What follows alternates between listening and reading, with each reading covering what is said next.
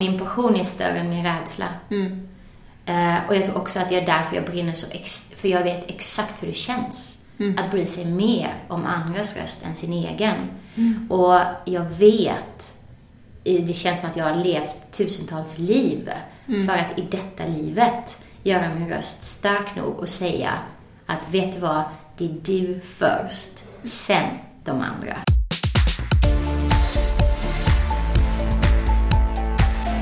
Välkommen till Game Changers! Vi vill inspirera, motivera och stötta dig att leva din fulla potential.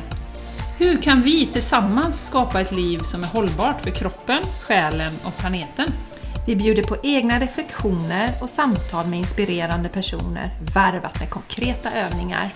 Vi djupdyker i allt från hållbarhet och entreprenörskap till spiritualitet och hälsa. Ett bra liv börjar med oss själva. Hej och varmt välkomna till Game Changers podcast. Idag är det jag, ena halvan av den här podcasten, Jenny, som har haft förmånen att sitta ner och eh, ha ett samtal med Johanna Hector. Johanna är en helt magisk kvinna som är entreprenör och hon är grundare av en helt egen yogaform som heter global yoga. Och hon har jobbat med hälsa och träning och som konceptutvecklare i mer än 15 år. Och i det här eh, samtalet så pratar vi om allt från yogans roll i hennes liv, om modet att våga gå sin egen väg, eh, om ätstörningar, om lust, om hur man får till en morgonrutin. Vi pratar om manliga och kvinnliga energier och vi pratar om sex och mycket, mycket mer. Och tillsammans med Johanna så har vi faktiskt den här veckan en utlottning. Så att eh, om du är sugen på att vara med så ska du gå och kolla in hennes program som hon har utvecklat på soulworkclub.com. Och där har hon olika koncept som man digitalt kan ladda ner och få ett helhetskoncept för hälsa. Och det som vi kommer lotta ut heter The Best You och det är värt 69 euro. Och eh, där får man allt tips och eh, övningar, kostråd, för att allt för att du ska må så bra som möjligt eh, på ett så holistiskt sätt som möjligt. Och, och för att få delta i den här tävlingen så behöver du bara skriva en recension på vår podcast och betygsätt gärna. Eh, på iTunes måste man göra det. Så gå till iTunes och eh, betygsätt, skriv en recension. Och sen tar du ett screenshot och mejla till oss på thegamechangerspodcast.gmail.com. Vi är så sugna på att få recensioner och få feedback kring vad ni tycker och kom gärna med förslag på vad vi ska prata om fram- framöver. Och du hittar också givetvis allting om tävlingen och hur man är med i anteckningarna till det här avsnittet. Och vill du vara med i den här fina utlottningen så gå in och gör det på en gång, för den 15 oktober är sista dag. 15 oktober, så du har ungefär två veckor på dig. Och då kommer vi sen att dra en vinnare. Lycka till! Och innan vi släpper in Jenny och Johanna Hector så vill jag, Jessica, berätta om vår yoga och meditationshelg. Den 12 till den 14 oktober har vi en yoga och meditationshelg i Ubbhult utanför Göteborg. Och det sker i ett samarbete med Sara Fredman och Maja Weber som vi har under taket Andromeda Health. Och den här helgen den är för dig som drömmer om några dagar där du släpper alla krav och måsten. Och vi guidar dig genom helgen via olika former av yoga och meditation. Och vi bjuder på hälsosam, klimatsmart, helvegetarisk mat som Maja lagar på plats. Och du kan även njuta av individuella behandlingar i form av massage och reconnective healing.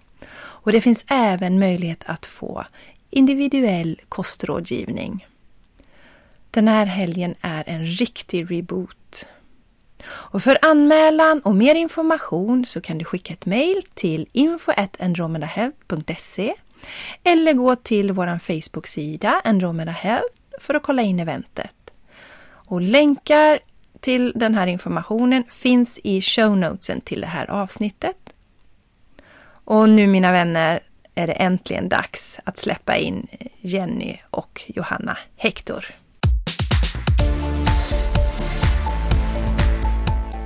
Idag så har jag den stora, stora äran att ha Johanna Hector här.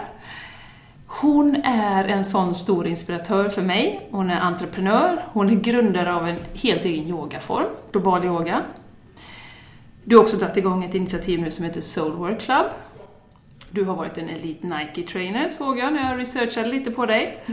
Expert i tidningen Women's Health och du är väldigt delaktig i både Prana-festivalen och eh, Yoga Games. Du är en fantastisk inspiratör och influencer. Du har 23 000 följare på, på Instagram, så man är väl influencer där någonstans, tror jag. Kanske det. Kanske det. Eh, Men jag är så glad att du är här och eh, jätteglad alla ni som lyssnar att ni vill vara med oss när vi ska samtala idag.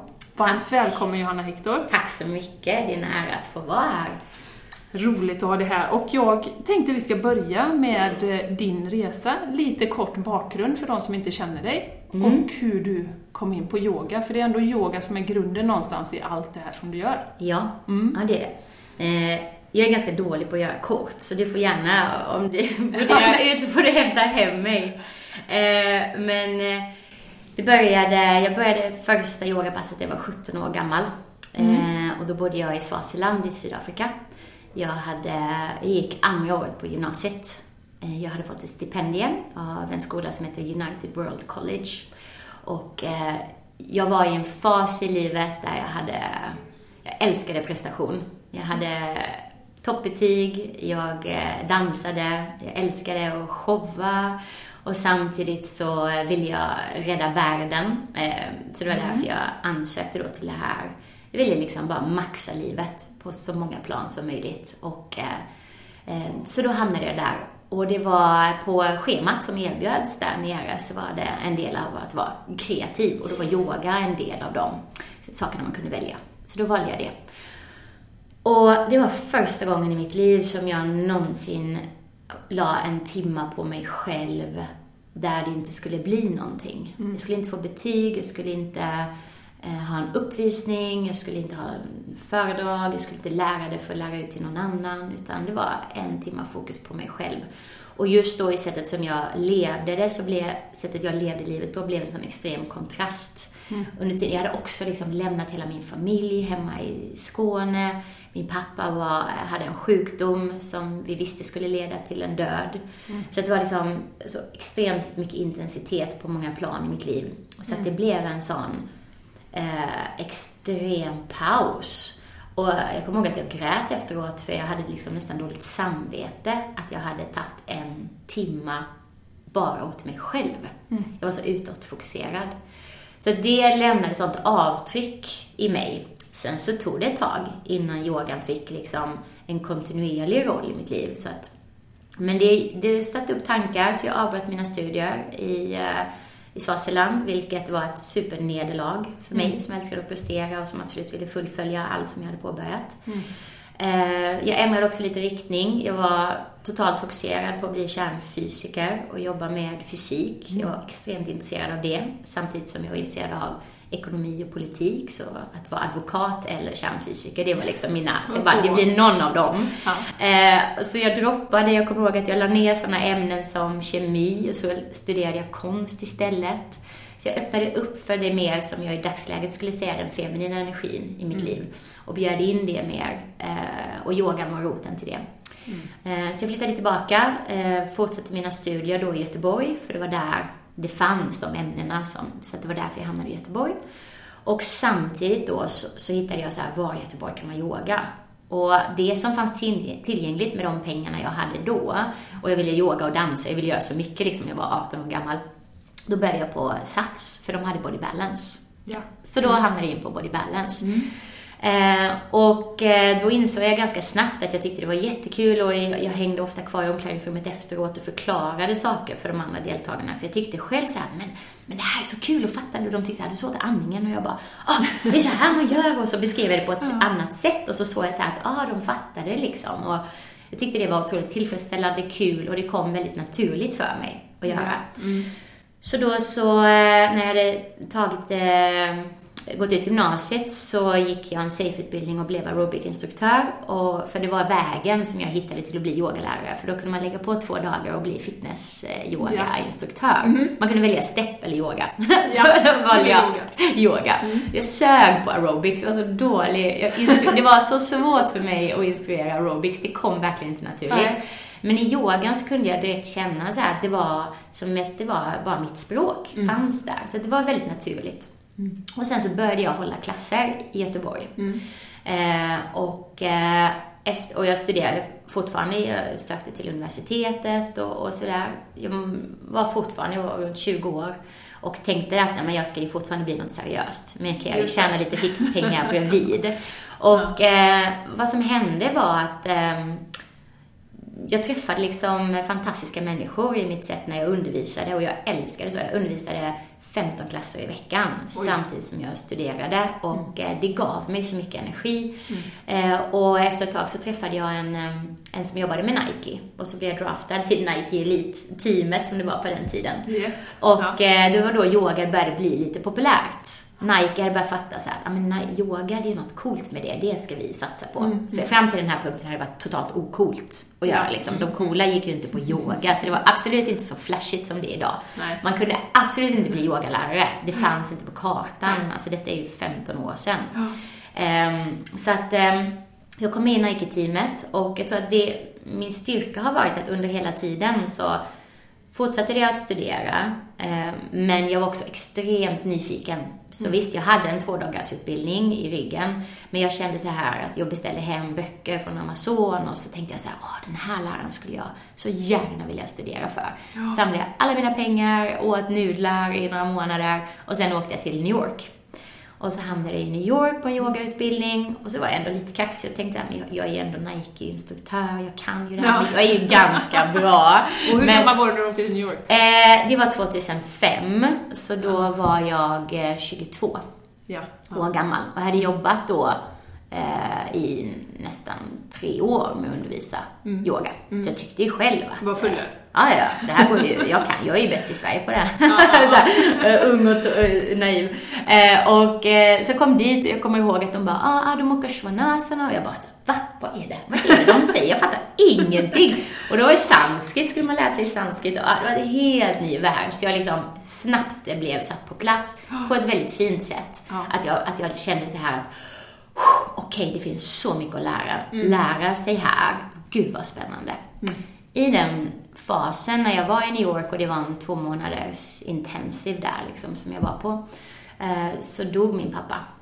Mm. Så första dagen på min teacher training där, jag hade samlat, det hade liksom tagit två år att samla ihop pengar och ansökt via mig, eller via brev, fått söka in och Ja, komma. Det var en sån megaprocess, det fanns inte, man mejlade ju inte. Nej, nej. Eh, och ehm, det blev så otroligt starkt. Men jag var ett vägskäl. Ska jag åka hem? Eller ska jag gå klar den här utbildningen? Och eh, min fantastiska mamma och familj, de la ingen press på mig överhuvudtaget. De var bara så kärleksfulla och var lite upp till mig. Och jag valde att stanna kvar. Och jag är så glad att jag gjorde det. Därför att jag tror också det är därför yogan har förankrat sig så otroligt starkt i mitt liv. För jag grät mig igenom de 90 dagarna på yogamattan. Alltså jag svettades och grät. Och vi pratade om livet och vi pratade, alltså yogan blev liksom invävd i mina celler. Det blev som en lång terapisession. Och också det, jag kommer ihåg liksom mina, de 20 människorna som jag gick med i den gruppen. Du som också har gått en yogautbildning, du vet att man blir sammansvetsad. Mm. Och de blev liksom för alltid ha en plats i mitt hjärta. Och de var inte rädda. Nej. De var okej med att jag grät. Mm. De freakade inte ut. Det var okej, det var ingen som tyckte att det var jobbigt att jag låg och grät istället för att stå i en krigare eller sådär. Nej. Och samtidigt så var det extremt hårt. Jag fick inte missa en, en dag. Nej. Utan när jag kom tillbaka dagen och sa att min pappa har gått bort, jag vet inte vad jag ska göra, så sa de så här: okej, du har två timmar på dig. Mm. Men om du missar mer än två timmar så kommer du inte bli godkänd. Jag tror att också för mig var det en typ av tough love. Jag kände verkligen kärleken i det. Mm. Eh, och att alla blev behandlade lika, oavsett. Och jag blev så omhändertagen där. Eh, så jag gick klart den och sen självklart åkte hem och begravde min pappa. Och eh, var med min familj. Och sen fortsatte min resa, jag fortsatte undervisa, fortsatte studera universitetet. Och sen tänkte jag så här, hittade en annan yogalärare jag blev kär i. Och så tänkte jag, åh, henne vill jag studera med. Hur gör man det? Beställde hem hennes DVD och det var Shiva Rape. Så då åkte jag till Los Angeles och gick hennes utbildning. Och då åkte jag också dit och tänkte så här, men nu kan jag ju. Hallå, jag har Ja, gått till New. York Nu liksom. jag Alltså, jag har tagit the highest of the highest, tänkte jag. Och jag kommer ihåg, satt där första dagen, öppnade manualen och så säger Shiva så här bara, um, first of all I want you to feel your spanda. Och jag bara, spa, spanda? Vad fan, vad fan är det för någonting? Och ett till tre så var jag, och det var där och då som det nog liksom klickade med mig att, aha, yoga, jag kommer aldrig bli fullärd. Det finns liksom inget certifikat som kommer säga att du är klar. Och någonstans där så slappnade jag av och smälte in i att jag behövde inte skynda mig igenom den här processen Nej. för att få toppbetyg, utan allt jag gjorde i det här var för mig. För mig först. Och sen kommer det ösa ur mig som en brunn till mina deltagare, in i mina projekt, in i mitt arbete. Men det börjar med mig och jag måste göra det för min skull. Inte för någon annans eller för att få ett certifikat. Och när jag kom hem till Sverige fortsatte jag arbeta och sen så naturligt organiskt så jobbade jag mer och mer eh, med yogan så att jag hade inte tid för studierna. Och jag, jag kände att mitt undervisande och min yoga gav mer än mina studier. Ja. Mina studier var på ett sätt så mycket textbok Mm. och så lite verkliga livet. Eh, Och jag ville vara i verkliga livet och möta människor på riktigt. Och då startade jag mitt eget företag och eh, det var då som global yoga föddes. Helt enkelt för att jag undervisade i Göteborg och just då fanns det hatta yoga, ashtanga yoga eller body balance. Det fanns liksom inget annat. Det hade inte kommit alla coola former av yoga. Så då, eh, så bara för att ha ett kort svar när deltagarna efter klassen frågade där, ah, vilken yoga var det här? Så jag bara, jo nej men alltså jag gjorde först, ja det här långa svaret som ni nu har lyssnat på. så att de skulle slippa få det. Så sa jag bara, då kortade jag ner det så här, så här, det är global yoga, det är min erfarenhet tillsammans med min bakgrund inom träning och hälsa som jag har studerat i hela mitt liv. Eh, Det är det som är global yoga. Och det kommer för alltid vara föränderligt. Vi kommer alltid uppdatera med ny forskning. Vi kommer alltid ta med oss traditioner och ritualer och anpassa oss efter det mänskliga behovet. Så global yoga föddes där och eh, sen dess har det varit en organisk process och har blivit ett heltidsarbete. Mm. Och det är fortfarande än idag föränderligt. Det är inget skrivet i sten. Fantastisk resa. Ja, den har varit... Men det är ju ganska modigt, tänker jag, att start, liksom, dra igång sin egen yogaform. Jag tänkte, Alltså- det blev, jag tänkte aldrig det så. Nej. Utan jag kunde bara inte hjälpa det. Det bara rann ur mig. Jag var så inspirerad. När jag var i New York och var på Cindy Lees yogaklass. Här kommer den här liksom kvinnan som har studerat med buddhistiska munkar och har studerat med Iyengar himself. Liksom. Hon, har, hon är tradition, liksom. Eh, och verkligen power lady. Och så, och så spelar hon Beatles på sin yogaklass. Alltså det fanns ju inte i Sverige på den tiden. Man hade ju Pling Plong, max. Och så gick jag fram och frågade henne så här, men alltså vad var det för yogaskiva du spelade? Var kan man köpa den? Och hon svarade så här, no I just put my iPod on shuffle. Och jag bara, va? Får man det? Jag kommer ihåg, det var så, jag var så styrd av regler. Och jag, när jag kom hem så kände jag sånt kreativt frihet, en sån lust Ja. för livet och en sån lust till att visa människor att, hej, vet du vad? Man får göra vad man vill så länge man inte skadar någon annan människa och så länge det ger dig njutning. Och det var därifrån global yoga växte, att jag fick, när jag fick något intryck så tog jag in det, processade det, testade det. Och sen kände jag så här, ah, det gör så här för mig. Hur gör det för dig? Ja. Eh, och det var så global yoga föddes. Det var absolut inte att det skulle vara... Sen försökte jag bara sätta ihop det så att det skulle vara lättförståeligt för människor. Och så att det skulle vara... Jag vill alltid att folk ska känna sig välkomna. Jag vill alltid att folk ska känna att, vet du vad, det här är för dig också. Hur kan vi göra så att det är för dig? Och det är hela grunden i, i global yoga. Eh, Så det var aldrig tanke på att det skulle bli något koncept eller att det skulle bli en form av något slag. Och än idag så hoppas jag alla att det blir det. Jag hoppas att det är ett redskap som hjälper folk att Ja. strukturera sig så att kreativiteten och det personliga jaget kan få komma fram. Men man, jag vet också av mina utbildningar och min disciplin att det, man kan inte skapa som nybörjare. Man måste få, det är som konst. Okej, du måste lära dig måla kroki, du måste lära dig blanda färgerna. Du kan inte bara vara kreativ från scratch. Och det vet jag än idag, det är därför jag utmanar mig. Jag har precis börjat med pole dance. Jag menar, jag kan se min lärare och hon gör de mest fantastiska freestyle-koreografierna. Ja. Jag är inte i närheten, jag vet inte var jag ska börja, för jag har inte ett enda steg i kroppen. Nej. Men den dagen hon har lärt mig de tio grundstegen, och det kanske kommer ta två år, och det kommer inte vara så kreativt, och det kommer inte kännas som jag. Men jag måste få i det först. Och det Ja. vill jag att Globalyoga ska erbjuda. En bas, en grund.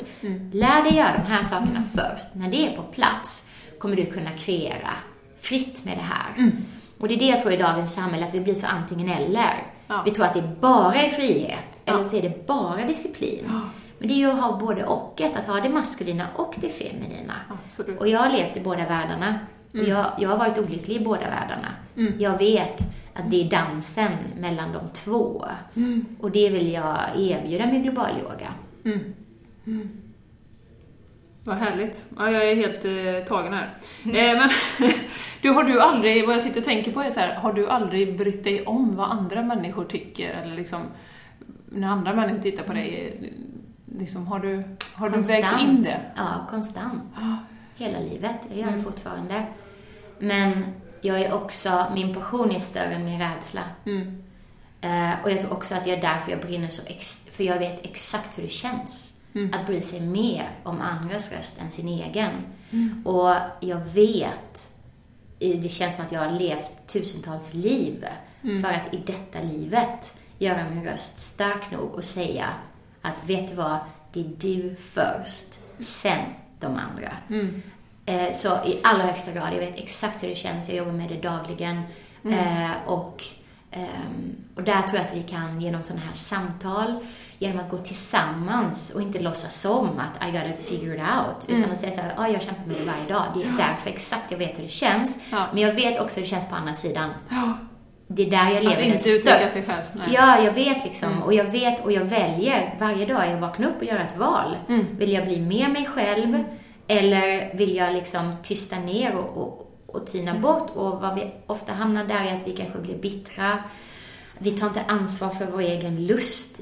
Och det tar vi inte ansvar för oss själva så kommer vi inte heller ta ansvar för andra människor. Min lärare säger, så som vi behandlar oss själva, det är så vi behandlar andra människor. Mm. Och sen avslutar hon alltid med att säga, och jag behandlar mig själv väldigt, väldigt bra. och det är exakt min lärare. Och det har jag känt en stor skiftning i mig själv i resan, att när jag var i 20-25 års åldern, jag var extremt hård mot mig själv. Respekt i mig själv, i mat, i träning, i kreativitet. Jag hade extremt höga krav och därför så var jag extremt hård mot andra människor i min omgivning. Min undervisningsstil var väldigt hård. Ehm, och idag eh, så är jag mycket mer kärleksfull mot mig själv.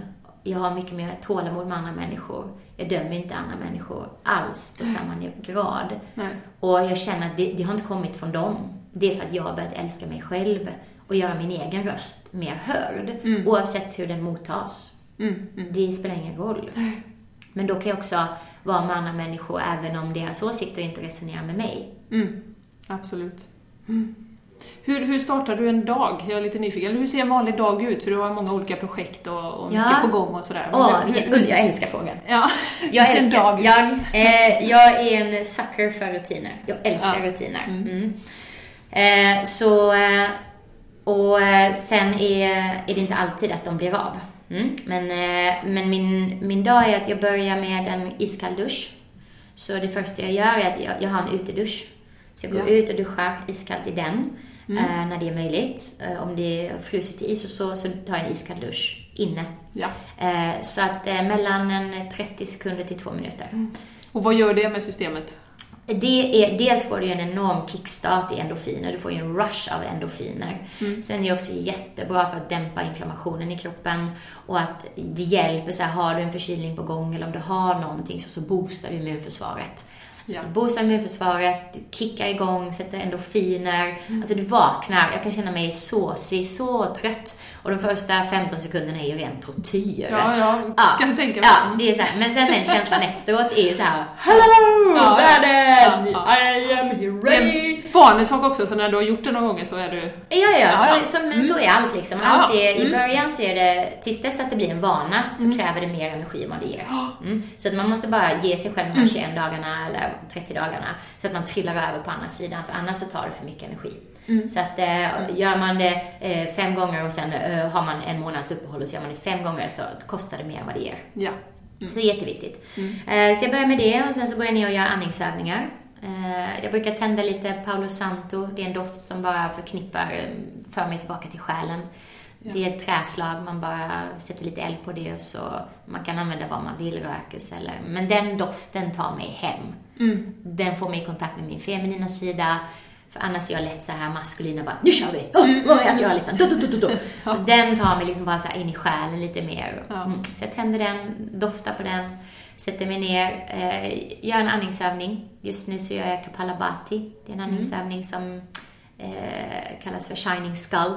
Så det är väldigt renande, klargörande, perfekt för morgonen. Eh, och sen så landar jag ofta naturligt i lite meditation eller kontemplation efter det. Skriver en kort dagbok, skriver ner en tacksamhetslista, tre saker som jag är tacksam för. Eh, sätter en intention för dagen. Kan låta väldigt eh, uppblåst det här, men det är väldigt enkelt. Alltså så här, och att jag också s- landar med mig själv. Och sen ofta, sen beror det på om jag lämnar barnen, så är det dags att gå upp och ta tag i dem och väcka dem. Eh, och om det inte är min tur att lämna barnen så brukar jag fortsätta med yoga och träning direkt efter det. Eh, så att jag, ofta så gör jag en massage för lymfan, så jag börjar att få igång lymfan i kroppen. Inget avancerat, men eh, rörelse för det. Och sen så går jag oftast in i det som är soulworks. Eh, så det är liksom en 20 minuter träningspass där jag höjer pulsen, där jag får svettas, blir varm igen. Eh, och sen så avslutar jag med eh, yoga, eller yin-yoga. ja. Hur lång tid tar allt detta nu då? Ja, 40 Varierar det? Ja, 45 minuter. 45 minuter? Mm. Mm. Ah, Härligt. Och hur fortsätter dagen sen då? Eh, sen så ofta så tar jag lite varmt vatten eller en kaffe, beror lite på vilket humör jag är på. Och eh, så, så tar det, sen sätter jag mig vid da- datorn och jobbar. Och där är jag oftast på min, jag älskar att gå upp vid eh, halv sex, sex. Det är min bästa tid. Ja. Eh, om jag lägger mig i tid. Mm. Annars får jag skjuta på det liksom. Ja. Eh, och sen är jag som effektivast eh, rent eh, administrativt vid datorn där mellan sju och nio. Så då kan jag sitta två timmar och bara, och jag har extremt mycket administration att göra. Eh, strukturera saker, boka, fixa, lösa svar på mail och, och sådär. Och jag gillar, jag, är så här, jag gillar att ta saker direkt. Eh, inte samla på sig liksom, utan det, det är en skön, och så det går lätt också då. Eh, och sen ofta efter det så har jag oftast ett pass eller ett möte eller någon, så någonstans där mellan 9 och 11. Så jag har i dagsläget så har jag en eh, pass nästan varje dag i Göteborg, så att jag undervisar. Var är det du undervisar någonstans nu? Eh, nu är jag på Sats och high-yoga. Mm. Eh, så Sats Askim Sisjön eller eh, high-yoga Masthugget. Så har jag klasser där. Eh, och, eh, och sen är det ofta ett möte eller en lunch. Någonstans där vid adminjobbet så brukar jag få i mig lite frukost också. Eh, så jag, men jag gillar att vänta lite på frukosten. Jag är ingen sån människa som vaknar hungrig. Nej. Och, och jag eh, älskar att äta när jag är hungrig. Så att eh, jag gillar inte att äta på klocka. Eh, så att till frukost så äter jag oftast en grön smoothie eller kokos, kokosyoghurt med eh, granola och massa sådana saker. Och ibland äter jag ägg. Eh, jag är inte heller så här att ingen stor frukost. Ehm, och sen eh, brukar jag komma hem och laga egen lunch. Jag älskar att eh, laga egen mat. Äta egen mat. Oftast då så blir det quinoa, eh, grönsaker, det man kallar så här buddha bowl. Alltså Ja, det. tahini och bara, Skål. ja, en skål och så bara lägger jag i vad jag är sugen på. Ja. Och jag älskar också att äta mat. Jag har väldigt svårt att äta kyls, kyl, mat som varit i kylskåp. Ja. Alltså, Ja, är ja, jag superkänslig. ja, Ja, så, så, Jag jag gillar att laga den, hacka upp den färsk Mm. och liksom gå ut i trädgården och plocka örter, ha trädgårdsland, plocka grönsakerna där. Det är för mig livskvalitet, lyx. Eh, Så att, ehm, och ibland har jag lunchmöten där jag träffar liksom någon och har Ja. en vän eller en kollega och äter lunch. Ja. Eh, och sen är det ofta tillbaka, admin eh, en, två timmar och sen eh, hämtar jag tjejerna. Mm. Så att, eh, och sen är det lek och bus och matlagning och läggdags. Och sen brukar jag och min eh, man nu då eh, landa i soffan någon gång vid nio tiden. Ja. Och ganska ofta så jobbar vi en timma. Vi är båda egenföretagare, så vi sitter och jobbar där Mm. 9 till 10. Mm. Och sen efter det så brukar vi synka in och, och Mm. antingen kolla på en serie Mm. och bara så här zona ut och inte göra något. Och ibland så har vi ritualer där vi tar hand om relationen. Ja, Ja, det är jätteviktigt. Ja. Ja. För det är ju, jag tänker nu egenföretagare, jag kan ju själv koppla till mig själv då, eh, Mm. och Instagram och, och det sociala medier och så här. Hur, hur viktigt är liksom, hur mycket är det på sociala medier, hur hanterar du det för att ha en hälsosam balans med att synas och inspirera och, och så, men ändå liksom Ja, ha balans i det? jag gör så här att i, i eh, jag tycker att det ska vara ett, medvetet. Men det är som allt i livet. Liksom. Jag tycker att sociala medier i sig är inte positivt eller negativt. Mm. Det är hur vi använder det. Mm. Och eh, jag kan själv känna när det blir negativt för mig. Och då behöver jag begränsa mig. Och sen känner jag när det är positivt och jag har ett positivt flow. Och då, då låter det löpa på. Ja. Så jag ska dela lite av mina knep och hur jag känner av skillnaden. Mm. Så när jag är ett negativt eh, flöde i sociala medier, då är jag passiv. Då bara observerar jag. Då scrollar jag bara. Mm. Jag likar inte, jag kommenterar inte, jag tar inte in, jag tar inte upp. Utan jag bara liksom, öh, låter det gå. öh. Ja, ja. Och så, öh, öh, öh. Och så blir det också då att eh, då fortsätter jag med det. Ja. Alltså, och då kan jag göra det mindless. Jag, märkte inte ens att jag gjorde det. Nej. Alltså att det, oj, nu står jag här igen och gör det här. Mm. Då tar det energi av mig. Mm. Då tar det ibland, det kan ta någon dag innan jag märker det beteendet och så tänker jag så här, ups, hej, det här tar mer än vad det ger. Och då behöver jag vara disciplinerad. Då behöver jag skapa så här, nej, nu gör jag det bara på morgonen eller nu gör jag det bara på kvällen. Och vad jag gör då är att eftersom att det är ändå en, en kanal för mig där jag kommunicerar med människor, Mm. är att då spelar jag in saker fast inte i Instagram-appen. Så att jag, jag spelar in på en gammal telefon, eller alltså på en kamera.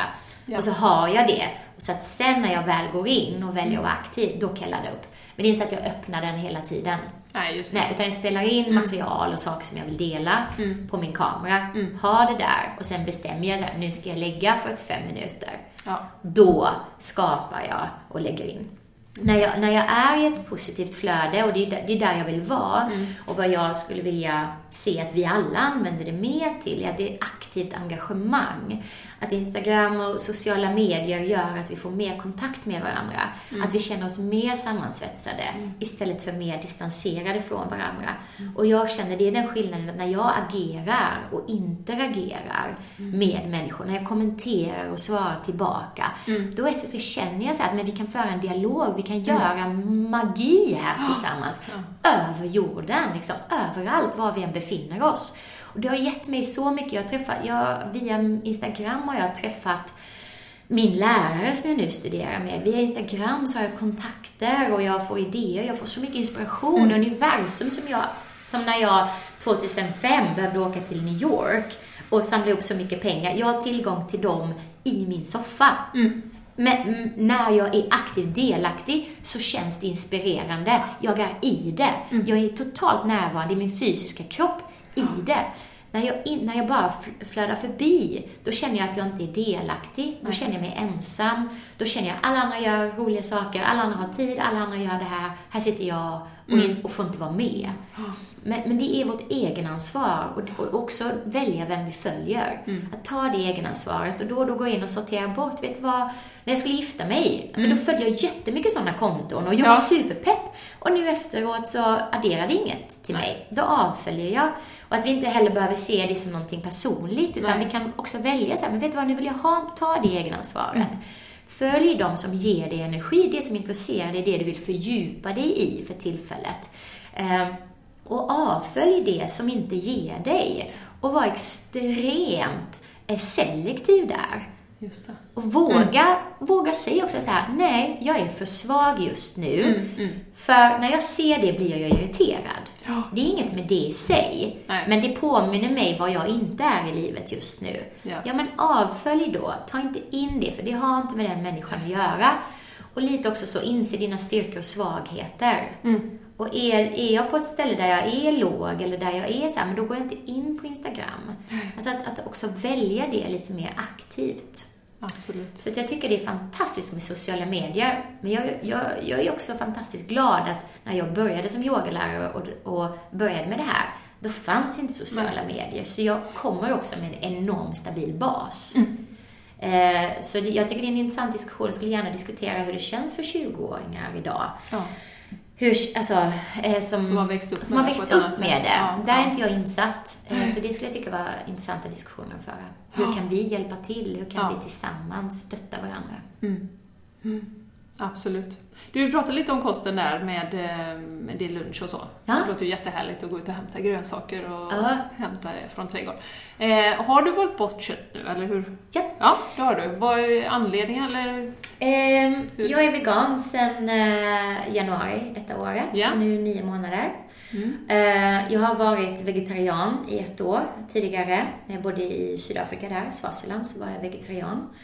Eh, då var jag ju 17 år och Ja. eh, ehm, då mådde jag, jag mådde jättedåligt. Och jag hade också ätstörningar. Så att Ja. då blev jag vegetarian mer för att det begränsade bara ännu mer mina val Ja. av mat. Så det blev liksom, det kom ur en negativ, eh, eh, precis som att liksom jag försökte kontrollera mitt ätande. Mm. Och att bli vegetarian var en del av dem. Mm. En väg i det. Eh, så att sen dess, eh, så jag har liksom kanske de senaste sju åren jobbat för att få eh, en frihet i min relation till mat. Det har Mm. varit det absolut primära. Mm. Jag har inte varit inlagd för någon ätstörning, men jag kan själv se och veta att jag har haft ett sjukt eh, beteende till mat, ett ohälsosamt beteende till mat. Mm. Och i min bransch också, inom fitness och inom träning och också som tjej. All, alla. ö- som människa. Mm. Okej. Ja. Ja, eh, så att jag kan nu se att det har stärkt mig, Mm. för att jag har förståelse för andra människor som är där. Vad som skrämde mig mest när jag var i de här ätstörningsfaserna, så var det det som jag ofta hörde, att man aldrig blir frisk. Mm. Och det gjorde mig så otroligt ledsen att jag aldrig skulle bli frisk från det här. Mm. Och jag kände mig liksom så, jag kände så här, what's the point then? Om jag bara ska gå och underhålla någonting. Mm. Men jag, jag skulle verkligen vilja säga, om det är någon som lyssnar på det här nu och har den här problematiken med mat, som vi alla mer eller mindre har, Mm. så skulle jag absolut säga att man kan absolut bli frisk. Man kan absolut läka sig. Och det finns lustfyllda förhållningssätt till mat. Och jag har jobbat väldigt eh, medvetet med detta de senaste sju åren. Mm. Så därför så var det aldrig aktuellt för mig att gå in och begränsa och bli vegetarian eller vegan. För att jag ville inte begränsa mig åt Mm. något håll. Nej, nej. För jag kände att det skulle komma ur ett destruktivt förhållningssätt Ja. istället för ett konstruktivt förhållningssätt. Ja. Ehm, så jag har varit allätare. Jag har inte ätit så mycket kött. Nej. Jag naturligt älskar grönsaker och, och sådana Mm. saker. Men jag älskar också ost. Mm. Och i fitnessvärlden så har det ju varit en sån här craze och är väl om protein. ja. Så jag åt Absolut. så var det ju så här bara, vilket protein ska jag äta? Om Ja. jag inte äter kött, men då så åt jag fetaost och halloumi Ja, och, det det. alltså så här, för jag tänkte så här, vad är proteinet? Ja, så att det var liksom så här. Och jag har, jag har, eh, jag har ätit på alla sätt du kan tänka dig. Alltså jag har testat, Mm. Testat allt. Eh, för, för jag är så nyfiken. Ja. Jag tycker det är så sjukt spännande. Ja, ja. Eh, Och se effekten av och se vad effekten jag äter fysiskt och psykologiskt liksom. Bara, wow, och vad mycket motstånd och bara, bara, bara, alla de här aspekterna. Just nog också för att jag Intressant. har velat men, läka mig själv. Jag har sökt, sökt efter det. Ja. Och det, det gjorde jag, så jag skulle absolut säga att för en fem år sedan, och också när jag fick mitt första barn, när det läkt, det var en sån läkande process för mig till min relation till min kropp. Mm. Att få föda barn, att få vara gravid. Det balanserade upp mig Ja. ifrån det här destruktiva, eh, där jag mer försökte bli av med min kropp. Mm. Så kände jag mer så här, åh, jag älskar min kropp, den är fantastisk. Ja, ja. Jag kan inte fatta att jag inte har tagit hand om den tidigare. Jag måste börja ta hand, jag vill ta hand om den. Jag vill älska min kropp. Mm. You're fucking amazing. Bara, herregud, du födde ett barn. Det är sinnessjukt. I'm on top of the world. Ja, så kände jag. härligt. Och bara, nu kör vi. Så läkte jag, så jag läkte mig själv. Och min man då började säga så här, Åh, jag vill bli veg- vegetarian, jag vill bli vegetarian. Ja. Så jag sa, men bli vegetarian då. Mm, Tjata inte på mig. Nej, nej, jag åt så lite kött. None of my business. Nej, men då så, så, till slut sa jag så här, Mm. okej. Då hade han tjatat kanske ett år, mer eller mindre. Eh, och då så sa jag så här, nej men jag är med. Men då blir jag vegan. För att jag kunde känna så här att vara vegetarian, det är för lite, att det är för litet steg för mig. Så jag gillar också utmaning. Så Mm. jag tänkte så här, men jag hade tyckt det var spännande att testa och bli vegan. Så, från, eh, så pratade vi fram och tillbaka och jag har läst den här boken Att äta djur. Mhm. Och jag har sett mycket filmer och så, men jag har inte kunnat ta in det riktigt fullt ut. Jag har inte varit redo. Jag har inte varit redo. Mm. Så att vi blev det för naturen och miljön. Eh, Det var där. Det var inte för hälsa. Nej. Eh, utan jag kunde känna att jag var på en plats för första gången i mitt liv där jag hade marginaler. Mm. Jag hade perfekt hälsa. Jag hade ritualer, morgot, alltså jag hade min träning var perfekt. Mm. Jag kände mig hälsosam, jag kände mig stark. Jag hade redskap eh, för att ta hand om mentala issues, jag hade redskap för att ta hand om min själ. Jag jobbade på alla de här, jag hade marginaler i livet. Jag kände Ja. så här, jag har råd. Mm. Jag, äl- jag tycker det är jättegott med kött. Jag tycker det är så gott. Mm. Så det är inte för att det inte är gott. Jag mådde jättebra av att äta kött. Ja, ja. Så det är inte därför. Men jag kände att eh, jag behöver inte äta kött. Eh, det är en lyx jag kan avskaffa liksom. Och samtidigt så, då var jag tre månader strikt just för att bry- bryta vanan som vi sa. Ja. Jag kände så här, och det svåraste för mig var att sluta ha mjölk i kaffet. Mm. Jag, drack, alltså jag har testat havremjölk, det var så äckligt. Eh, Så det behövde jag bara vänja mig av vid. Ja. Så nu dricker jag havremjölk, nu älskar jag det. Ja. Men det var mentalt supertufft Ja, att sluta med mjölk. Så svårt. Smör. Älskar smör. Ja. Gud vad svårt det var att sluta med smör. Och sen det svåraste tyckte jag var att bli vegan var att jag ville ju inte äta sämre. Så jag ville ju inte Nej. äta produkter med Nej. mer e-ämnen och grejer Nej, nej, än innan. Nej. Så jag tyckte det var väldigt svårt att bli vegan och äta rent. För det är så mycket färdigprodukter. Det är så mycket, Ja. när jag bara tittade vad det är i de här Oatly och alla olika sakerna, så Mm. jag bara, det här är ju längre produktinnehåll än vad det jag åt innan. Mm, mm, mm. Så där eh, krävdes verkligen research. Ja. Och, så. och jag kom fram till att jag, eh, jag kommer fortsätta äta ägg. Mm. Eh, vi har en bonde som vi får ägg ifrån. Eh, som vi vet vad de hönorna äter, vi vet hur de har det. Ja, Och ja. då kunde jag känna så här, min, jag hade älskat att ha hönor själv. Mm. Vi är inte där nu. Jag kan också säga så att hade det varit, eh, vår granne haft en ko Mm. och den kon hade fått en kalv Mm. och det hade funnits mjölk Mm. i över Mm. i en månad, då hade jag ätit den mjölken. Ja. Ehm, jag kan tänka mig att äta vilt. Liksom, om det skulle vara under de omständigheterna. Så det är inte så att jag är, totalt emot det. Men jag tycker inte det är hållbart. Eh, och jag, jag eh, vet att så som vår familj lever så har vi marginaler att kunna göra andra val. Mm. Det är jätteviktigt för mig att inte vara dömande mot andra människor. För Ja. att för nio månader sedan åt jag själv kött. Ja. Jag åt själv alla de sakerna. Mm. Eh, Så jag går på veganmässor idag, tycker det är jättespännande. Det Mm. tråkiga tycker jag är att det är en sån dömande mentalitet. Mm. Istället för att vara så här, hej hur kan vi inspirera dig Ja. till att Mm. äta lite mindre kött? Man har liksom gått över på andra sidan och då är man där. Liksom. Ja, det blir så antingen eller. Ja, Och ja. jag, jag har ätit en entrecote i somras, åt jag en halv entrecote. ehm, För att jag var sugen på det. Mm. Så att för mig är det det primära. Men det är också inte att vara för hård mot sig själv då. det är det exakt det det Nej. handlar om. För Eller om mig- man missar sin morgonrutin eller om Det, man liksom... det, är det. det är det att jag vet att jag har levt eh, i spektrat att vara stenhård Ja. och jag vet att det inte är vägen för mig. Och jag vet att, att full indulgence, det är inte heller vägen för det blir inte njutningsbart Nej. i längden. Nej, nej. Och hela närvaro är för mig att känna in så här, vad vill jag, om jag vaknar upp som en helt ny, Mm. vad vill jag ha idag? Mm. Vill jag äta ägg idag eller inte? Vill jag ha kött idag? Och så får jag känna, ja men jag vill ha kött. Ja, vill jag verkligen det? Ja. Eller är jag bara trött? Ja. Kanske jag ska andas Ja. först. Är det, ja men om jag äter den andra maten först, vill jag fortfarande ha kött? Mm. Och sen, nej men det behöver jag inte, nej men då hade jag ett underskott, jag behöver äta mer grönsaker. Mm. Eller, så att inte vara heller så förhastad. Nej, nej. Ehm, Men du som tränar så mycket då, det är ju intressant, du har provat alla olika dieter och nu Ja. har du landat i vegansk mer eller mindre. Ja. Så. Ja. Hur Upplever du någon liksom skillnad eller är det precis samma som innan? Eller är det liksom, vad är det, det alltså, Har du energi att träna? Ja, ja, gud ja. Ja. Mm. För det är ju det är också en myt som florerar, Nej, men det är att man sånt, inte ja. får, Och hela får protein, proteinmyten. Ja, vad, vad, vad får du i dig för protein? Man bara, men alltså, ett är det ju så här att vi behöver inte så mycket protein. Vi kan inte ta upp det proteinet vi äter. Vi äter alldeles för mycket protein. Mm. Det är mycket farligare att vara utan kolhydrater. Mm. Det visar forskningen. Mm. Och sen så är det så tråkigt att så fort det kommer ut forskning så blåser så här stora medier upp det Mm. till någon liksom lite idiotförklarad grej och så blir det debatter om att nej, det var inte det. Nej, men det, allt i balans egentligen, det är inte så svårt som vi tror. Nej, vi behöver inte så mycket protein. Ja, kolhydrater är viktigt, men självklart bra kolhydrater. Så nära jorden som möjligt. Inom yogan säger man med så mycket prana, alltså så mycket Mm. livskraft. Ja. Eh, det ska kunna ruttna. Mm. Mm. Eh, liksom. Och, den, men nej, jag, jag har känt, jag har jättebra energi. Eh, träningen, inga problem. Nej. Jag har maxat mina pull-ups. Eh, Jag körde 17 pull-ups på raken Oj. eh, detta året. Ja, där har jag lite att jobba på. Ja, det liksom, alltså, jag har aldrig gjort det i hela mitt Ja. liv, men det är inte för att jag blev vegan, det var för att jag började träna det. Ja. Men, men, eh, så att, jag menar, men jag har Du har aldrig inte blivit svagare det. Jag har inte blivit svagare och jag har energi. Fördelarna kan jag känna att jag, jag återhämtar mig mycket snabbare. Ja.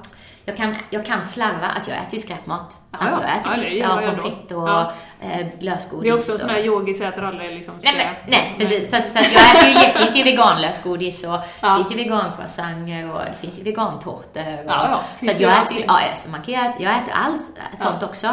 Men jag känner att jag åt, alltså innan kunde jag gå och vara så här seg i nervsystemet i några dagar efter Ja, jag hade haft en sån liksom Mm, mm. indulgence. Men nu så hoppar jag, kommer jag tillbaka mycket snabbare. Mm. Så det ligger inte kvar. Det är som att min, liksom, min cellförnyelse känns snabbare. Ja. Om jag skulle förklara Ja, det. ja förstår. förstår precis. Ja, vad spännande. Eh, Du, vi måste prata lite om Soulwork Club också. Ja, Som är ett ganska nytt initiativ, det drog du igång i år. japp. Vad är det för någonting? Berätta. Det är alla mina passioner samlade på ett ställe. Det är alla mina eh, life hacks. Så vad jag kände var att jag har jobbat i träningsbranschen nu så länge. Jag har haft en PT-studio, jag har haft yogastudio. Jag träffar så mycket människor och framförallt kvinnor. Och eh, eh, vad jag brinner för är lust, njutning, att man får vara sitt snyggaste, bästa jag inifrån och ut. Och att de två är lika viktiga. Jag kunde uppleva att i fitnessvärlden så är det så mycket, ganska mycket bara yta. Och i yogavärlden ibland blir det bara om insidan. Och att det finns Ja. liksom inte, har inte funnits, jag har inte hittat ett forum där man känner att båda värderas lika mycket. Och att säga så här, jaha, men du vill se ut så? Bra, och du vill känna dig så? Bra, vet du vad, du kan få båda dem. Och vi kan jobba på båda dem samtidigt. Och du behöver inte säga så här, ja, insidan är viktigare.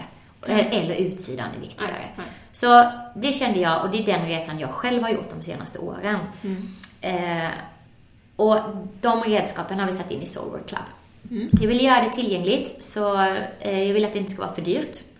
Jag vill att man ska kunna träna det hemifrån. Som jag sa där, min morgonrutin låter lång, men det är bara 45 minuter. För jag vet också att det är så. Jag har två små barn, jag jobbar Ja. heltid.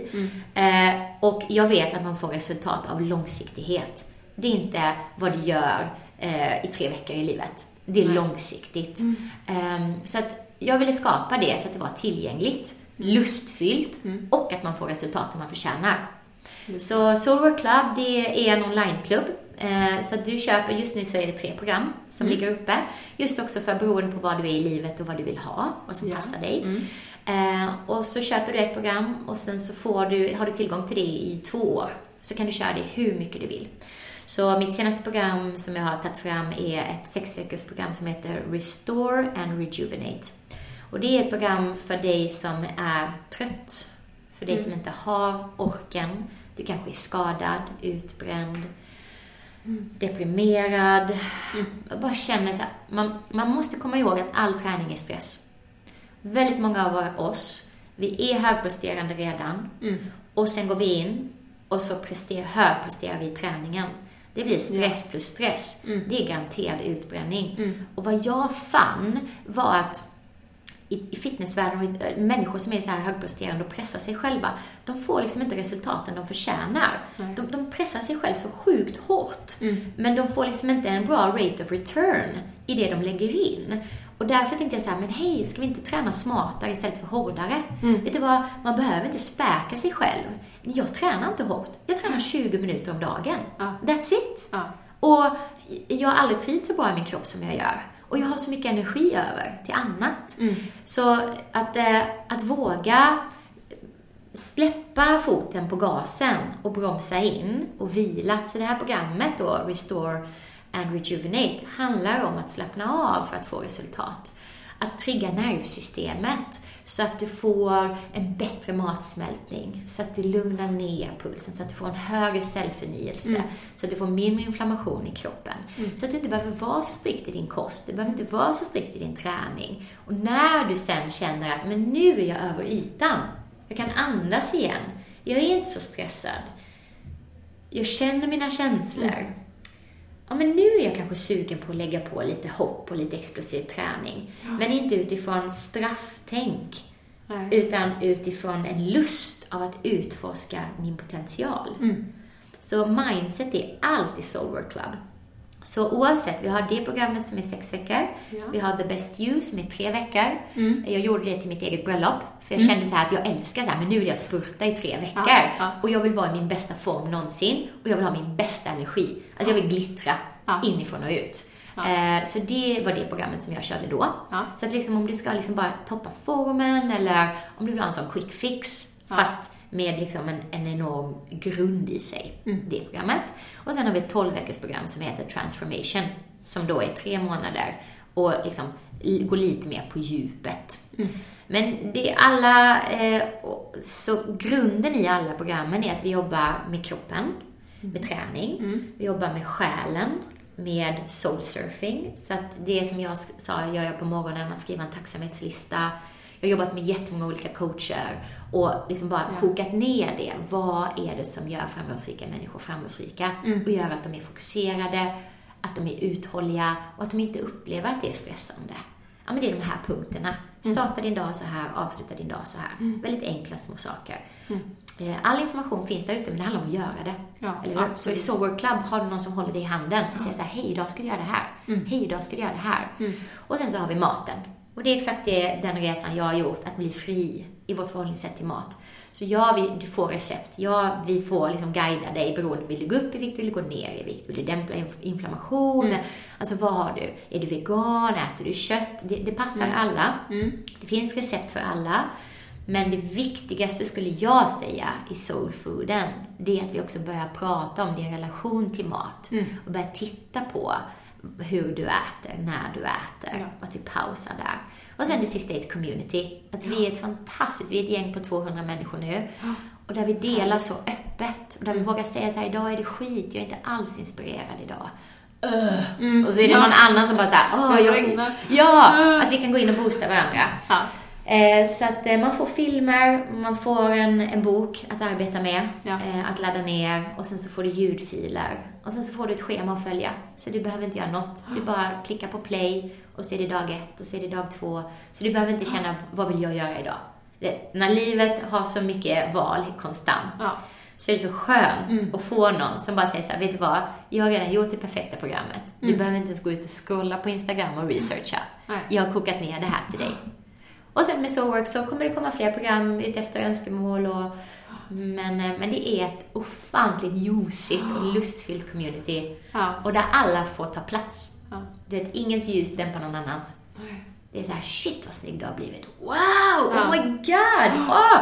Och, Ja, det låter helt fantastiskt. Jag, jag har Ja. inte varit med själv, men jag blir väldigt sugen nu när du pratar om det. Ja, jag kom och jag tycker det är jättebra att ni har med maten också för att eh, jag upplever ju att vi i vårt samhälle är väldigt, alltså det, bara, det ska bara in. Ja. Och, och så tänker vi inte på att det påverkar hela vår energi och hela vår output och hur vi mår och hur vi, liksom, utan det är så jag hade också det förhållnings... Jag har inte haft så eh, liksom, jobbigt förhållande till mat, men ändå liksom att eh, jag behöver bara äta, fastän makaroner och köttbullar liksom. Ja. Spelar ingen roll, bara ät så jag blir mätt. Så. Ja. Ja. Eh, och, och det upplever jag, jag blev också först vegetarian och sen vegan, att Ja. Nu är det roligt och man känner ju hur liksom vitaminerna hoppar omkring i maten. Ja. hur man liksom bara Ja. får energi av mat. Så att Ja. den har jag svängt sen jag också liksom började med, med, med liksom, eh, självarbete, man säger det här, och, och verkligen utvecklas. Att maten är ju så viktig. ja. Det är inte bara en bygg, liksom, det är våra byggstenar, det är inte bara liksom något som vi stoppar i munnen och så. Nej. så. Det är själen, det tar oss in och smakerna. Det finns en fantastisk man eh, som har, har skrivit The Sahasra Bread Book. Han är en, Ja. eh, en munk. Nu har jag glömt hans namn. Jag kan kolla upp det, kan kolla upp den Sahasra. sen. Ja, den är... Och han har ett klipp där han pratar om eh, att baka kakor.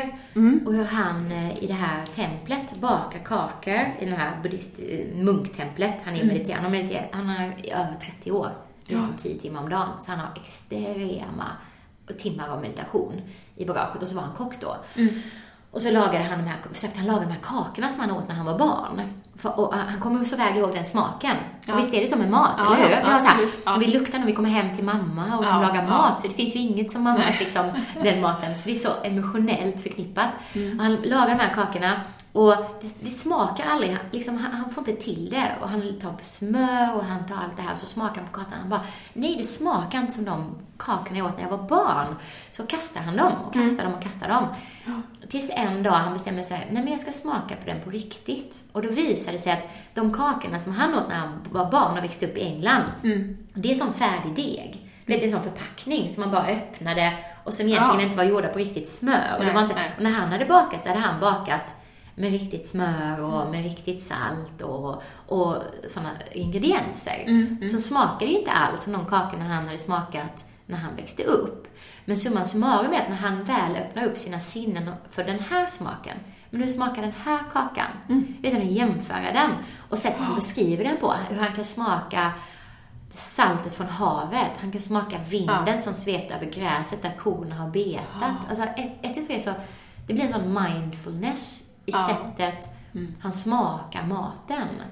Och det är det som är, hur kan vi bli mer lustfyllda? Mm. Hur kan vi ett, tu, tre, där, ett, tu, tre, dra så in i nuet för att det fyller oss? Mm. Det jag tror också att mat idag används så, vi är inte hemma i våra kroppar. Nej. Så vi bara kastar ner något och så har vi ingen aning om vad det smakade, Nej. hur det påverkade oss. Mm. Och så är vi, är vi också så, våra smaklökar är så inställda på att det här ready set manufacturing. Mm. Så när vi smakar en morot från jorden så smakar den inte som, men smakar inte som i affären. Nej. Och så tror vi att det är fel. Ja, ja, Och ja. så är det också vi behandlar människor. Mm. Men du beter dig inte som de andra i skolan. Nej, men det är inte fel för det. Det är bara olika. Mm. Och att vi kan träna våra sinnen på att bli mer mottagliga för hela registret Mm.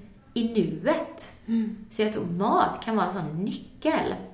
Han är, han är fantastisk. De frågar honom så här, men vad, vad har du lärt dig av de här 30 000 timmarna meditation? Ja. Och så säger han så här, well, well I think, I think I'm, a, I'm better at being myself. Man bara, va? Det är fantastiskt. Och det är Ja. det som du sa där i början, är det inte svårt att vara dig själv? Jo, Ja. Ja. men jag tror det är det vi alla, alla försöker komma hem till oss själva. Mm. Och det har tagit honom 30 år i sittande meditation. Ja. Så det är inte konstigt att vi tycker det är lite svårt. Nej, det är inte alls konstigt. Nej. Men ta i tanke på samhället och vad våra föräldrar har sagt är bra, och Ja. vad skolan säger är bra och vad Allt. alla de här reglerna som läggs på oss när vi är Ja. i tidig ålder. Ja. Mm. Men du, Soul World Club, jag vill bara hänga på, kan man börja på den även om man inte har yogat någonting eller Ja. mediterat någonting? Ja, ja, ja. Mm. Eh, Så det är inte bara yoga. Och det är väldigt, eh, jag är väldigt bra på att instruera nybörjare. Mm. Och att göra att passen har olika nivåer. Mm. Så att alla är välkomna. Jag skulle rekommendera så Rest eh, Rejuvenate-programmet. Det är mer liksom om du känner dig trött och utmattad. Du behöver inte ha någon förkunskap. Det är guidade meditationer, det är guidade andningsövningar, Mm. det är rörelse, det är mjukguidad yoga. The Best You, där varvar vi work-in och workouts. Så workout, det är mer intervallsträning, eh, styrketräning, så att du svettas, så att du får de här resultaten. Men på en nivå där du behöver inte kunna hoppa, alltså, Nej. så att du kan lägga det på din nivå. Mm. Och sen är work-in, det är yoga, avslappning, eh, meditationsövningar. Mm. Och samma sak där, jag behöver inte ha någon erfarenhet, utan jag guidar dig utifrån där du är. Mm. Eh, och i Transformation är också det programmet som är lite matigare. Då får du ännu mera workouts. Eh, och samma sak där, det är Paulina eh, som är min personliga tränare som jag har tagit in Ja. och hon coachar. Ja. Och där är allt från alternativ, så vi har alltid alternativ. Och meningen är ju att du ska inte klara allt första gången du kör, för du har ju två års tillgång. Så Okej, de flesta ja. gör ju så att när jag kör de här tre veckorna, sen vilar jag en vecka, Mm. sen kör jag tre veckor igen. Så efter tre så har du ju 24 månaders träning. Så kör du bara om och om igen. Mm. Så att eh, det ska vara lite utmanande. Du ska inte klara allt de första gångerna. Så att det finns potential för att växa. Potential för att växa. Men jag kan absolut säga att det är definitivt eh, tillgängligt. Mm. Bra. Mhm. Du, vad är ditt, den här podden handlar ju mycket om hållbarhet, och, både för kropp, själ och planet och där passar du ju väldigt bra in. Eh, så. Vad, vad, är ditt bästa tips? Du har barn och du har liksom man och du har alla de här projekten på gång och, och så. Vad, vad, är ditt bästa tips för att, att skapa en hållbar vardag? Eller?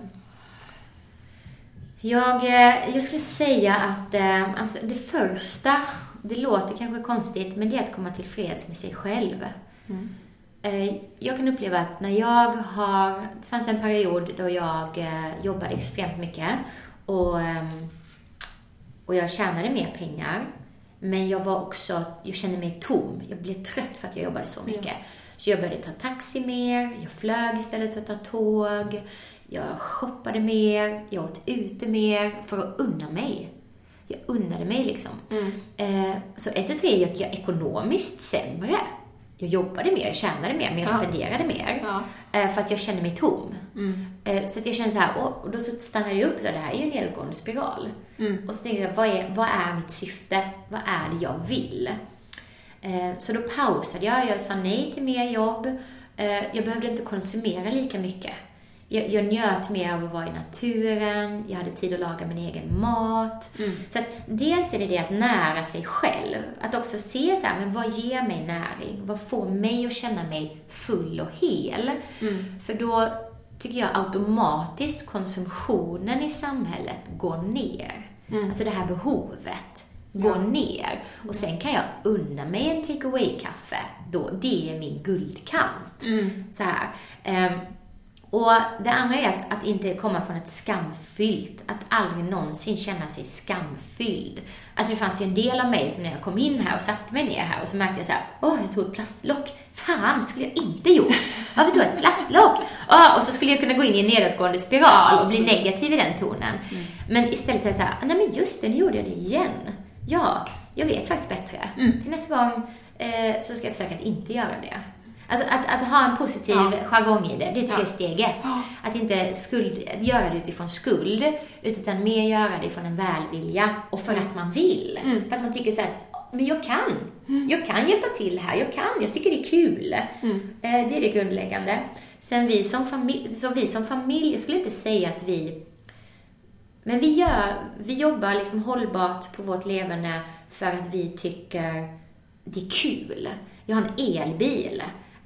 För att jag, jag älskar min elbil. Mm. Alltså, den, den är snygg, den har grymt ljudsystem och den går på el. Ja. Alltså det är helt, jag, varje gång jag kör den så känner jag så här, wow! Och så kunde jag också känna så här, för att jag kan. Ja. För att jag, jag hade råd.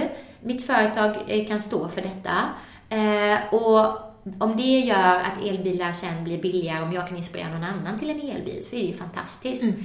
Mm. Eh, vårt hus, sättet det byggdes på, försökte vi göra så hållbart som möjligt. Ja. Eh, sättet vi ja, odlar mat, också bara det. Vi gör det inte för, vi gör det för att det känns kul. Mm. Plast så lite som möjligt. Bara det, att jag känner nu att så här, jag tar aldrig plastpåsar i affären längre. Men om jag gör det så har, har jag fortfarande en lite dömande röst. Ja. Vad tycker de nu? Nu glömde du påsarna igen. Ja, exakt. Och då försöker jag liksom bli så här, men herregud, alltså att, att, att ja, prata med mig själv på ett snällt mm. sätt. Mm. Eh, för igen, så som jag behandlar mig själv behandlar jag andra människor. Mm. Och att jag vill mer inspirera till det ur ett glädjefyllt sätt. Mm. För, att, och då, för då tror jag vi orkar. Annars orkar vi inte långsiktigt.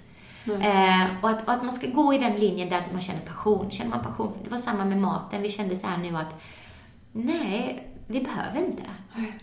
Det, då blir det, men jag tycker det är otroligt intressant och Ibland kan jag fastna i det här, vet, någon kan säga så här, det är inte lönt hur mycket du än källsorterar, du flyger ändå till Bali en gång vartannat år. Mm. Det, då är det, mm. men, och jag kan känna så här, ja, det kanske är information, men vet du vad, den informationen bara slår ner mig. Mm. Den, den, gör inte mig mer lustfylld mm. och den pacifierar mig istället. Mm. Eh, så att självklart så kan vi alla bli bättre hela tiden. Mm. Men jag tror på att det ska komma utifrån lust och utifrån ett intresse. Och sen tycker jag det har varit jättekul och er podd är så viktig, att vi får så här, att vi får information mm. ett icke-dömande sätt. Så här, men hur kan vi göra det? Ja, oh, kan jag göra lite mer så? Men tack för att du sa det till mig. Ja. Jag är så glad att du berättade det. Jag visste faktiskt inte. Och så kan jag göra en förändring därifrån.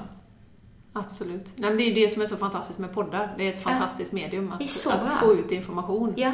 Och man kan ta till sig det som man vill, det som man tycker, det här klarar jag av och det, det där Ja. skulle jag kunna göra. Och nej, det där var inte för mig. Det kommer säkert vara någon som lyssnar som kommer tycka att Soul Club är fantastiskt och direkt, och någon annan kommer hi- hitta något annat som är bra Ja. med morgonrutin eller någonting Ja. sånt. Så att det, det är ju verkligen ett, ett budskap också, att, att man tar Ja. till sig det som man verkligen känner att man är redo för och som, Mm. som Mm. resonerar med. Det, det är så det är bra ord på engelska, resonate, Ja. men att, att som du känner för dig då. Och min, min, eh, en annan lärare som säger så här, eh, man bygger inte en toalett när man har diarré. Nej. Och men det är liksom att, att om, om det är extremt labilt i livet eh, och man har fullt upp, nej men alltså då är det inte läge att börja med det, utan man, man bygger så här, när du har marginaler, men det är då du kan gå in och bygga och jobba på de här sakerna. Men har du redan fullt upp, jag menar då kan man inte lägga det Nej. ytterligare och det är därför jag tror att det börjar med att man själv mår bra. Mm, mm. För när man själv mår bra, då är det lättare att ta hand om andra, då är det lättare att se sin roll i det utan att vara dömande. Så att det, det är min väg och min mission i livet, att få andra människor att känna sig hela och bli mera jag, alltså bli sig själva fullt ut. För, för då, eh, av erfarenhet, så ser jag och vet att vi gör bättre val. För, den, för globalt. Mm, mm. helt, helt klart, jag håller med dig. Allt detta som du har gjort, vad är du mest stolt över? Kan du liksom, eller är du lika stolt över allt? Eller hur, hur? Vad är jag mest stolt över? Jag är otroligt stolt över eh, modet bakom både global yoga och soulwork Mm. i att det får lov att vara föränderligt. Mm. Att om någon, gång, om någon ny information skulle komma upp och säga att vi skulle ha ny forskning eller någonting skulle komma och säga att nej men det här är så man gör. Att, Jaha, ja men gud vad bra, Ja, de vi. fraserna är inte bra! Nej, det är inte bra! Man bara, nej okej, hur kan man då göra? Den här öppenheten, det, det är jag, Ja. jag är så otroligt stolt över det, för det var en tid då jag kände med global yoga att jag hade målat in mig lite i ett hörn. Jag kunde Okej. känna att det var inte inspirerande. Nej. Jag var inte inspirerad. Jag ville inte undervisa global yoga. Och då märkte jag så här, men herregud. Mm. Det, det hade blivit så konceptualiserat. Jag hade följt med i den business-tänket. Att jag, åh, det måste vara tydligt och det måste vara för alla och det måste vara eh, lättsmält och alla ska känna sig välkomna. Och då kunde jag inte tre, jag kände mig för högljudd. Jag kände som att jag tog alldeles, jag var alldeles för färgstark för global yoga. Och då kände jag så här, va? Om jag? Det, det är ju något fel. Jag är ska, har jag byggt ett fängelse för mig själv? Eh, och detta var väl typ för tre år sedan ungefär. Och då kände jag så här, nej, att jag är så stolt att jag hade modet då att gå in och, och våga göra den soulsurfingen med mig själv. Och våga se att, men om jag känner så här, då är det bara antingen då är det bara en tidsfråga att någon annan kommer känna så och tröttna på det, eller att de redan känner sig instängda i det och att de Ja. måste fejka och vara någon roll för att kunna undervisa global yoga. Och det är ju mot syftet varför vi ens finns. Ja. Eh, och jag tror att det hade varit lätt att fortsätta på en businessnivå och bara rulla på och säga så här, men det här är den enkla vägen, det här är den lätta vägen. Ja, det är den lätta vägen, men det är inte den rätta vägen. Så jag har tagit så många beslut i min business som inte har varit mainstream. Som inte har varit en quick fix. Som inte har varit en punchline. Som inte kan ge ett snabbt svar. För att vi handlar inte om snabba svar. Det är, vi kan inte säga exakt vad det är på en mening. Det, det, det är och kommer aldrig vara global yoga. Om du letar efter en enkel lösning så är det, är det inte oss du ska gå till. Mm. Mm. Eh, Och det kräver så mycket mod att ta det steget där och då. Men idag är jag väldigt, väldigt stolt över det. Mm. För jag trivs väldigt bra där vi är. Och jag känner att vi, har, vi kan göra precis vad vi vill. Härligt. Vem inspirerar dig då? Oh. Du inspirerar ju väldigt många, hur? Ja, men mina barn, alltså mina barn inspirerar mig så mycket och jag vill Ja, så... ser, de är ju med på Instagram Ja, också. Jag ja, jag vill vara så, alltså, och gud, deras eh, emotionella flexibilitet är någonting jag eftersträvar. Ja. De kan bli så arga, så sura och sen bara Hela en minut, kroppen hela kroppen och sen en minut senare bara mamma, jag älskar dig. och jag kan bli så arg och sur på min man och så tar det mig typ två dygn innan jag kan säga jag älskar dig utan att bita ihop tänderna.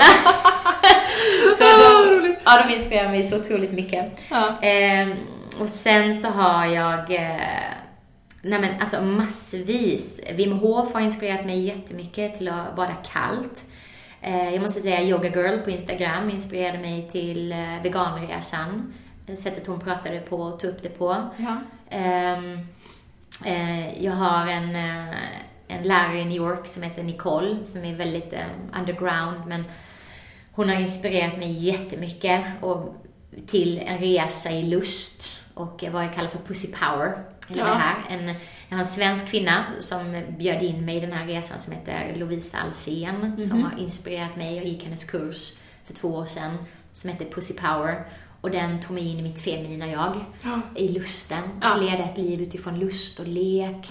Och att bli josigare Ja. istället för mer torr och rigid och Ja. eh, neurotisk. Det är väldigt osvenskt. Det är väldigt osvenskt. Ja. Jag kunde känna när jag kom in dit, det var som Ja. att bada i mjölk och honung. Det var liksom som att bara, Åh, varför lever jag inte, varför, vad har jag varit? Jag kunde känna, jag, jag, jag kallade tillbaka min kvinnlighet. Ja, Jag ja. hade, jag hade så spårat in på att jag trodde att vara seriös Ja, just det. är det här och så när jag tittade på det var det extremt maskulint. Ja. Extremt maskulint. Eh, och det var egentligen inte jag. Nej. Men jag trodde att eh, för att få lov att räknas som seriös var jag tvungen att leda på det här sättet. Det. Så att eh, Lo, ehm, Lovisa har verkligen fått in mig och i, i de världarna och öppnat upp världarna av njutning. Och då hittade jag, jag kan verkligen rekommendera en bok av mam- Mamma Gina som heter Pussy Power. Ja. Och den är Den liksom. Ja. helt, helt eh, grym. Den är så juicy Mm. och så eh, varm. Som en varm kram. Mm, underbart. Ja, men jag grät också jättemycket för, för jag blev så ledsen att jag hade varit så långt ifrån mig själv Ja. så länge. Ehm, så jag, där är jag extremt eh, inspirerad. Ehm, och sen min, mina vänner, min mamma har alltid varit en stor inspiration. Ehm, Mm. Hon inspirerade mig till att starta eget företag. Hon har varit egen företagare, tagit hand om oss barn Mm. ehm, och eh, aldrig fått det att verka svårt Mm. alls. Hon inspirerar mig till kreativitet. Hon är eh, 60 plus och hon gör resor till Marocko och hon, eh, ja, men, ja, men hon lever Hon, sitt inte liv. slutat, hon har inte slutat vara nyfiken. Hon är så himla nyfiken Mm. och eh, eh, har så nära till eh, ja, kreativitet. Ja. Jag kan hamna ibland så här, ja, men vad ska det bli? Vad är Ja. målet? Vad är målet det. med det här? Hon säger så här, men det är görandet som är syftet. Jag bara, va? Gör? Vad menar du? Det har vi inte tid till. Processen. Och så. så det, hon hon är en stor inspiration för att det, jag har lätt att, att inte ge mig själv utrymme och vara i den kreativa fasen för näringens skull Nej. som finns i det. Jag vill Precis. bara veta, men, men vad är syftet? Mm, mm, mm. Så att, eh, mm.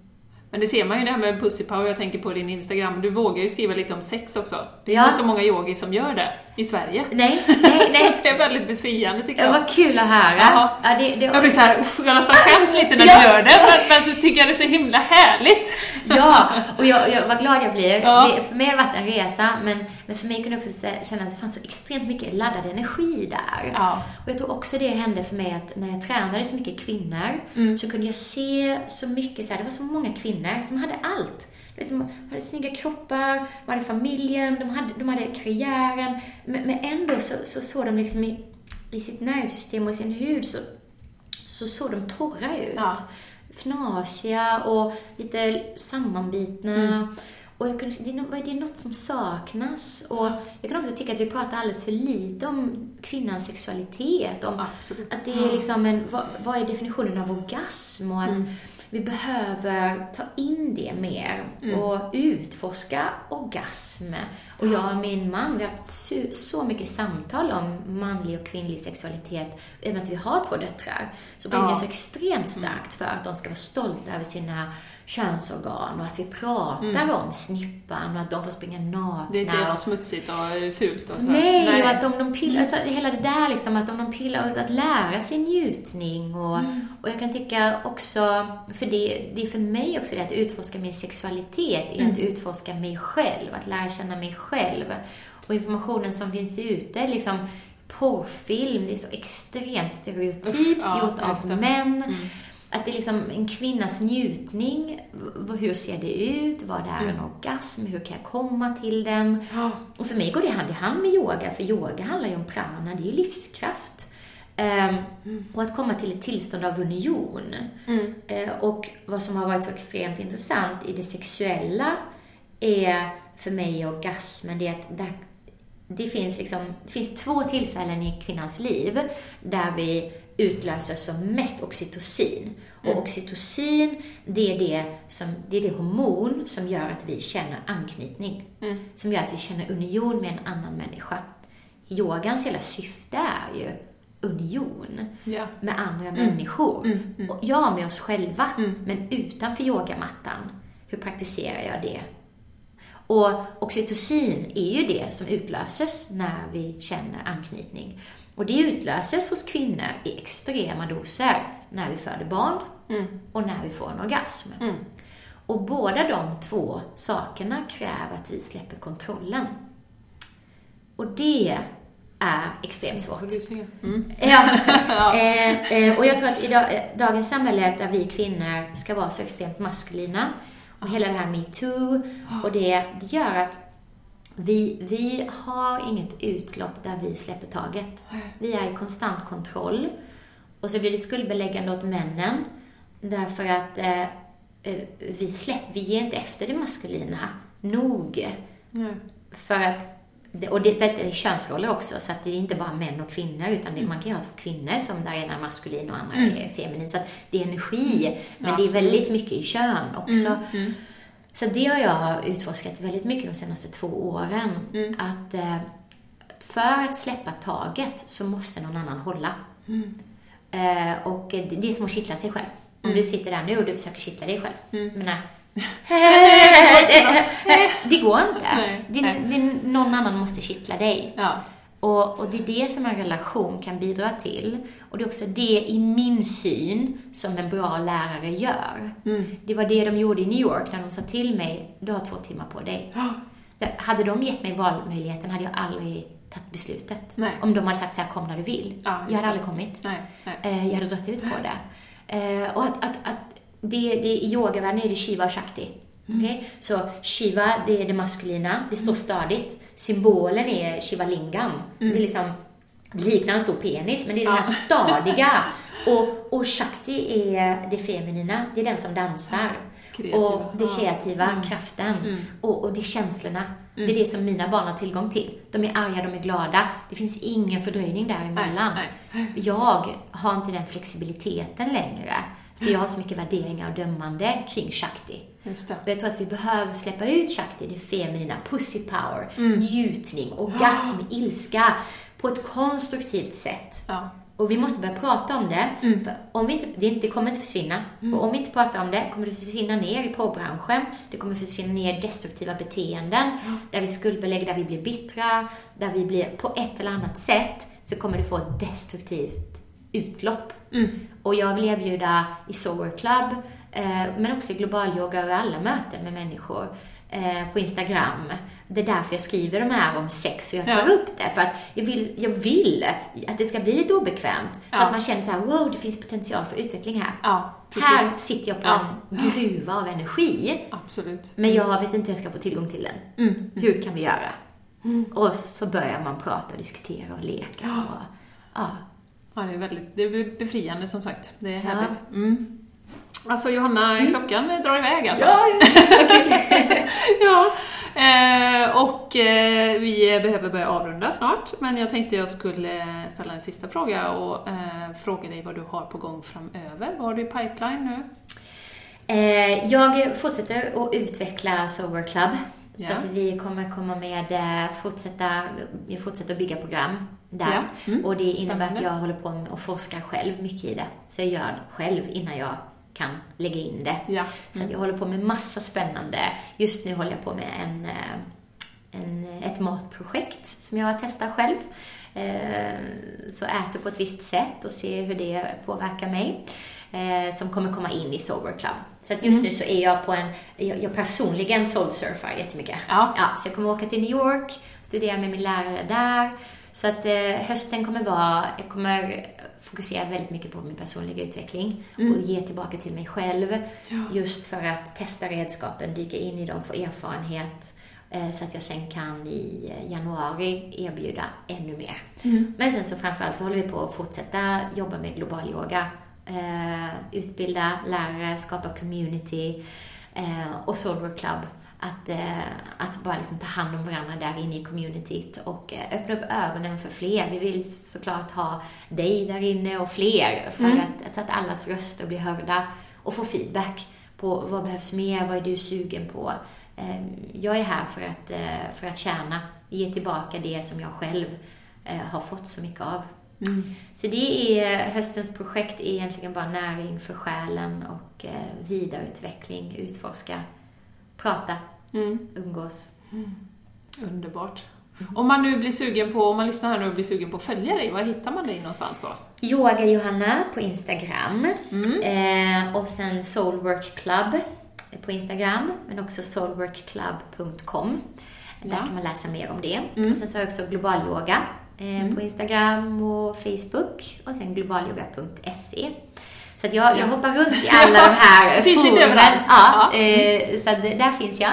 Sen så kommer jag ner till Malmö på Yoga Games i november. Så det är första Ja. gången vi är, har Yoga Games i Just Malmö. det. Det ska bli jättekul. Det är våra hemtrakter. Både Andreas och jag kommer från Ja, Skåne. just det. Mm. Eh, och sen så har vi nu precis fått på med schemat för Yoga Games Stockholm. Och det kommer några helt fantastiska yogalärare dit. Ja, Jag har redan beslutsångest. Jag ska försöka klona mig själv så jag kan gå på alla klasserna. eh, Ja. så, att, eh, så det håller vi på med. Och sen är det eh, Bali i mars som jag har ett retreat som jag gör. Och det gör jag vartannat år. Okej. Eh, och det är en väldigt liten skala.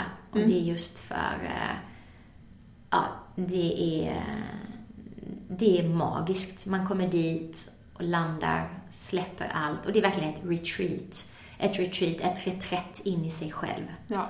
Pausa, Mm. stänga ner, logga ut. Och att bli eh, hållen. Eh, så att du kan släppa taget. Och sen ifrån det utveckla mer av det du vill ta med dig vidare in i livet. Ömsa skinn. Det är du som inte längre tjänar dig. Och Bali är, är en väldigt fin själslig plats att göra det på. Speciell. Mm. Mm. Var det svar på din fråga? Jag Ja, inte. det var ja, det. var det. Mm. Tusen tack Johanna. ja, det är jag som tackar. Det är så roligt eh, och det har varit en fantastisk, eh, ett fantastiskt samtal. Jag hoppas att ni som har lyssnat också känner den fantastiska energi som Johanna har. Och eh, som sagt, följ henne om ni blir inspirerade, kolla in Soulwork Club eh, och eh, håll lite koll på henne framöver. Tusen Och tack kommunicera. Bara scrolla inte förbi. Nej, kommunicera. Nej, kommunicera. Ja. Gör det. Kommentera och fråga och skriv tillbaka. Jättebra. Tusen tack Johanna för att du ville vara med. Så jättemycket.